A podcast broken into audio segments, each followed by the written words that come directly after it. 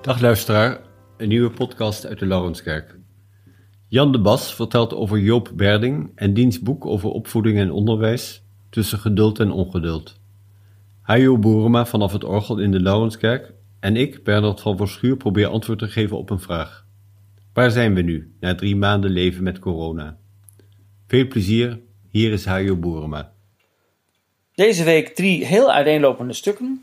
Om te beginnen een werk van Johann Ludwig Krebs, de sterleerling van Bach. En van hem horen wij een Fantasia a gusto italiano, een fantasie naar de Italiaanse smaak. Een rustig stuk met een zich herhalende bas, waarboven zich een fraaie melodie ontspint. Dan een koraalbewerking van Bach uit de serie Schubler-chorelen. Dat zijn eigenlijk transcripties van kantatendelen, uh, delen die Bach ge gearrangeerd heeft voor orgel. Een uh, bewerking van de melodie Wer nur den lieben Gott lässt walten. Uh, wij kennen dat als Wie maar de goede God laat zorgen. En dan tot slot een heel ander werk, een werk van Louis Vierne, componist uit de 19e eeuw. Uh, uit zijn bundel 24 pièces en style libre, 24 stukken in vrije stijl, horen we een divertissement. En dat is een mooi, uh, vrolijk slotstuk.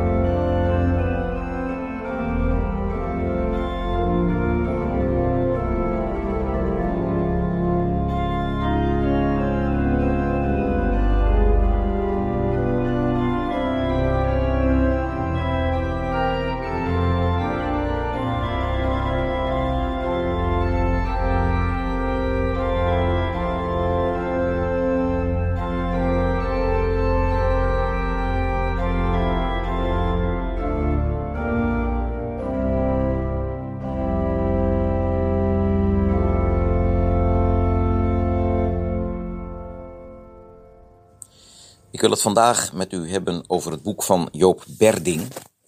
Opvoeden en onderwijs tussen geduld en ongeduld.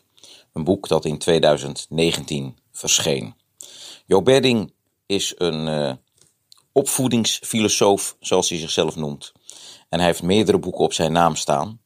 En uh, interessante onderwerpen die hij vindt zijn uh, Janus Korczak, de Poolse kinderarts, Hannah Arendt en John Dewey. De laatste twee zijn filosofen. En in zijn boeken komen die namen regelmatig terug. Dat geldt ook in zijn boek Opvoeding en Onderwijs tussen geduld en ongeduld.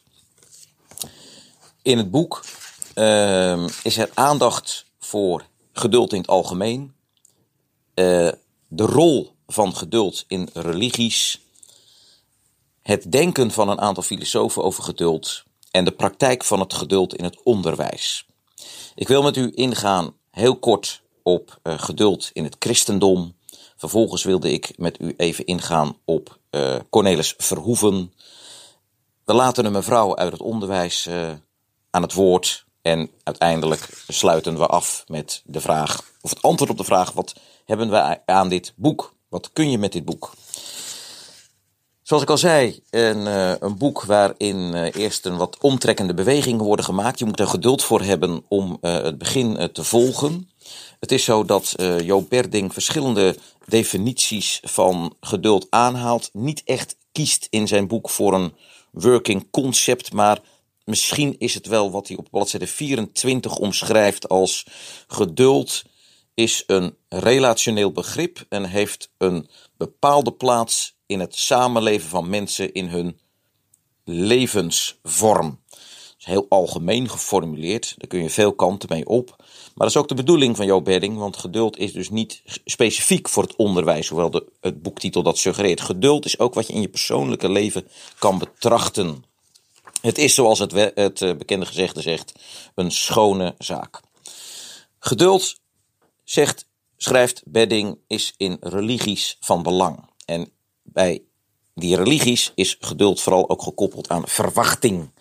Op, uh, uh, uh, het is op, op een uitkijken naar. Het is, wij, wij spreken op wacht staan. Het is, het is, het is je behoeftebevrediging van je verlangen uitstellen. Hij haalt bijvoorbeeld Lucas 1, 30 tot 31 aan. Dat is de, de aankondiging Vrees niet, Maria, want gij hebt genade gevonden bij God. Zie, gij zult in uw schoot ontvangen en een zoon baren en gij zult hem Jezus noemen. Geduld, Maria. Het komt goed. Je weet dat je bent uitverkoren, maar het kost tijd. En dat is eigenlijk een rode draad al dus, uh, een van de rode draden, laat ik het zo zeggen, al dus bedding in het uh, denken, binnen het christendom. Maar dat geldt eigenlijk ook voor het boeddhisme.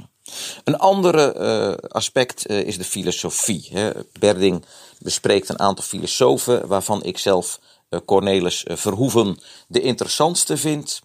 En ehm, Cornelis Verhoeven is bekend geworden door zijn essay Rondom de Leegte, waarin hij een appel doet om vooral na te denken en daar de tijd voor te nemen.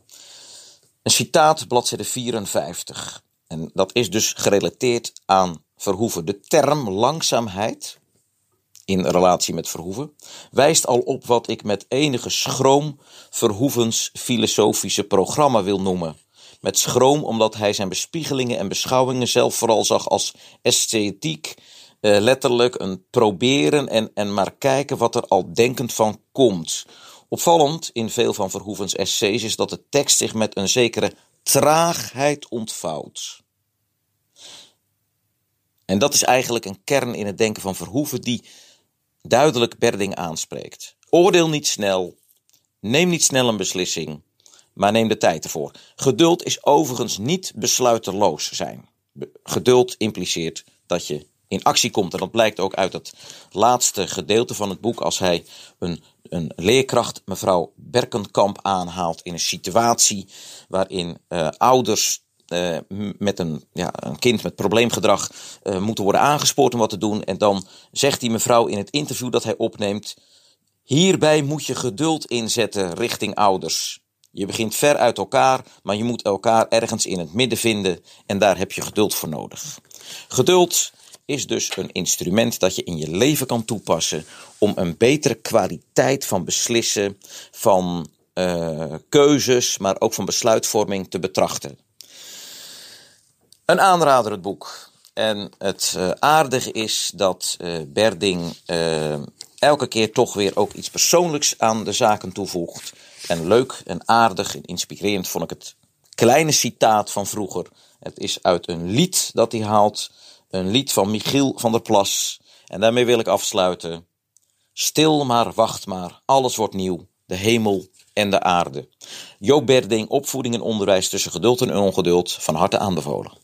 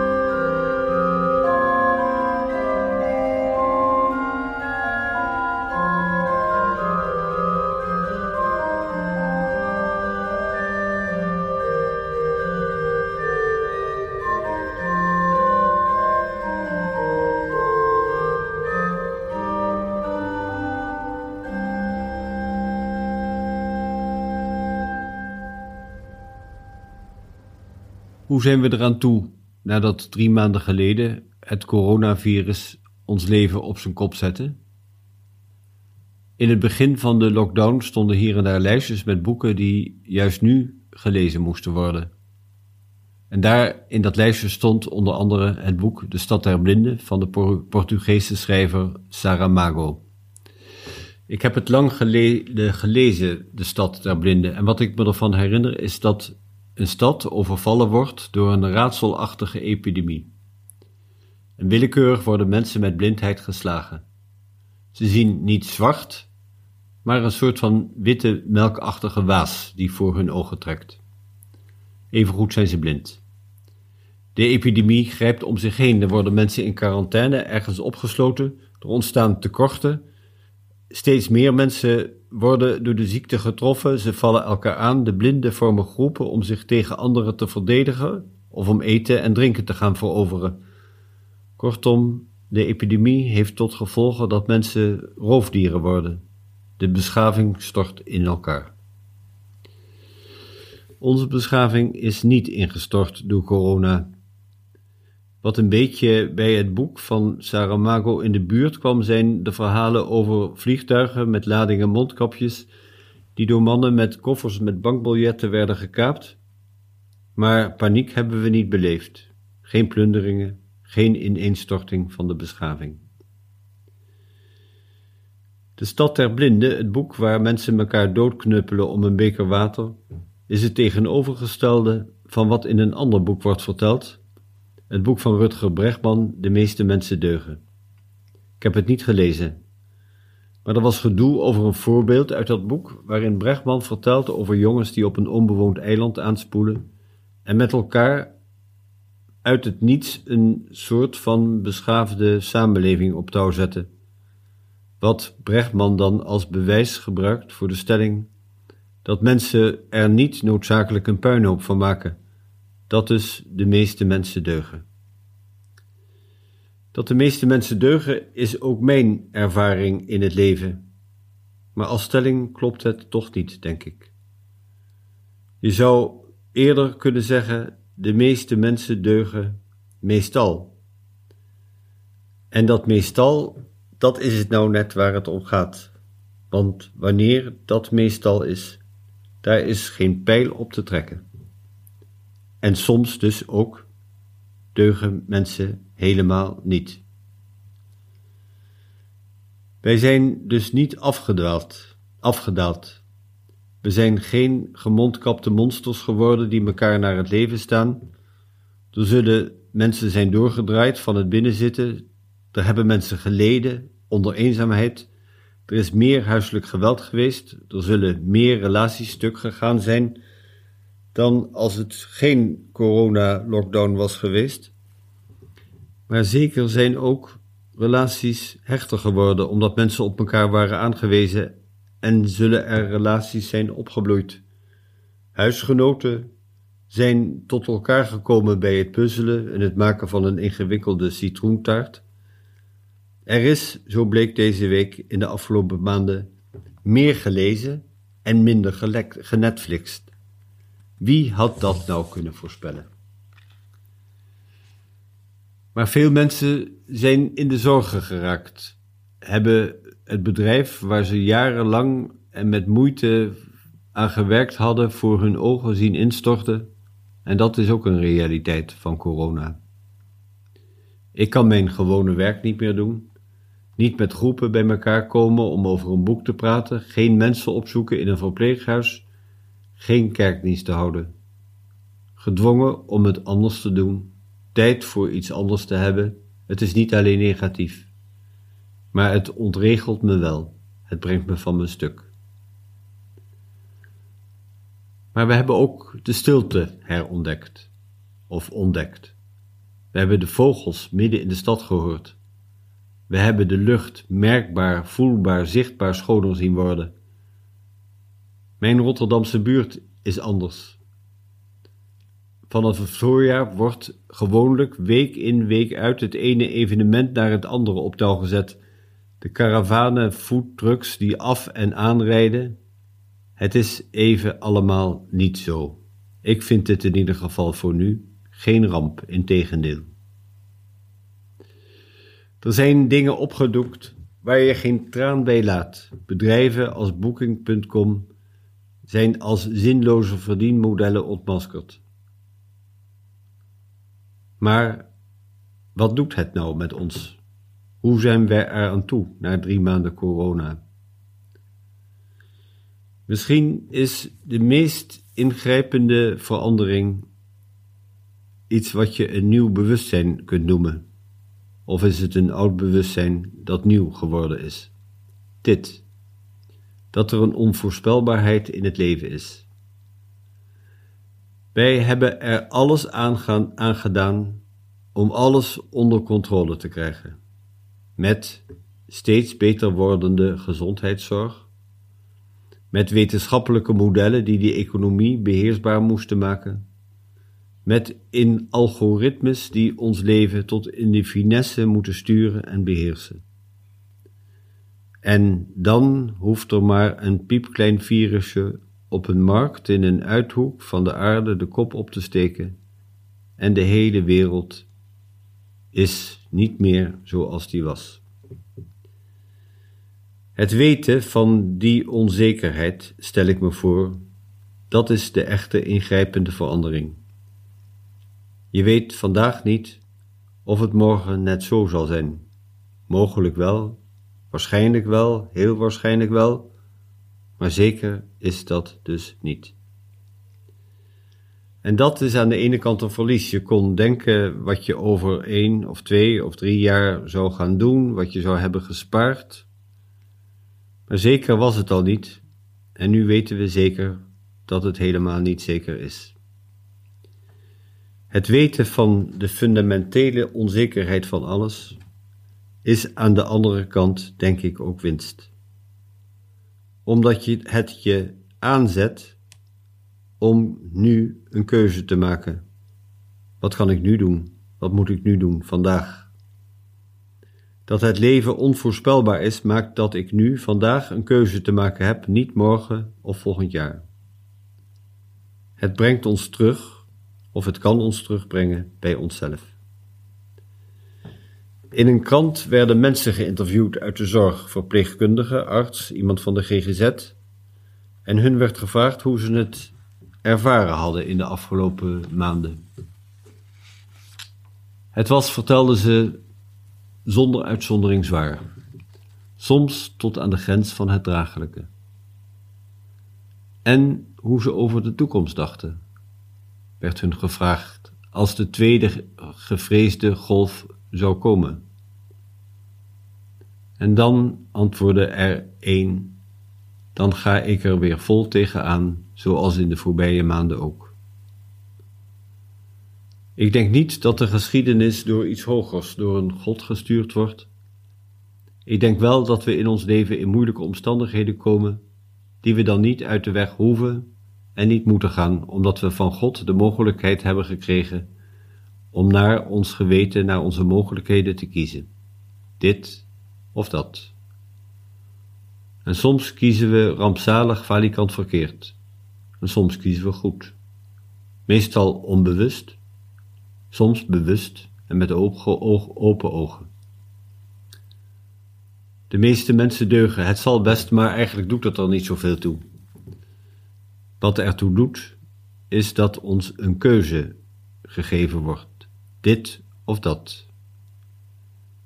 In de psalm, de 121ste, Hoor je iemand die op reis is, onzeker van wat hem onderweg kan overkomen, onzeker of hij zal aankomen waar naartoe hij op weg is. En hij vertrouwt op God niet als een vrome idioot, maar omdat hij juist zo goed weet hoe onzeker zijn weg is. Daarom vertrouwt hij. Het lied van een pelgrim. Ik sla mijn ogen op naar de bergen, van waar komt mijn hulp? Mijn hulp komt van de Heer, die hemel en aarde gemaakt heeft. Hij zal je voet niet laten wankelen, hij zal niet sluimeren, je wachter.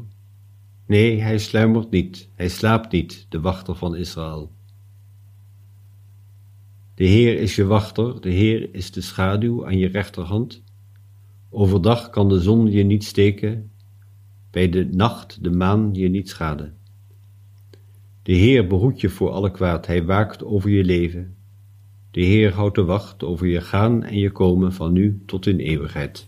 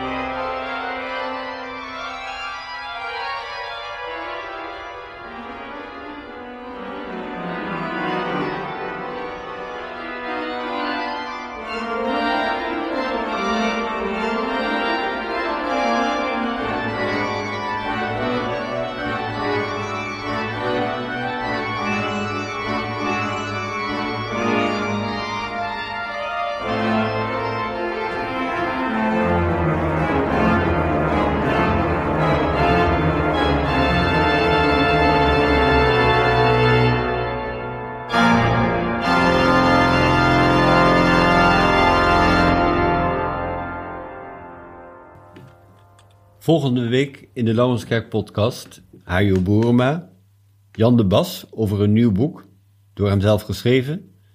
En ik sta stil bij de golf die door de wereld ging. Nu een keer niet de golf van corona, maar de golf van protest tegen discriminatie en racisme. Dag, tot dan.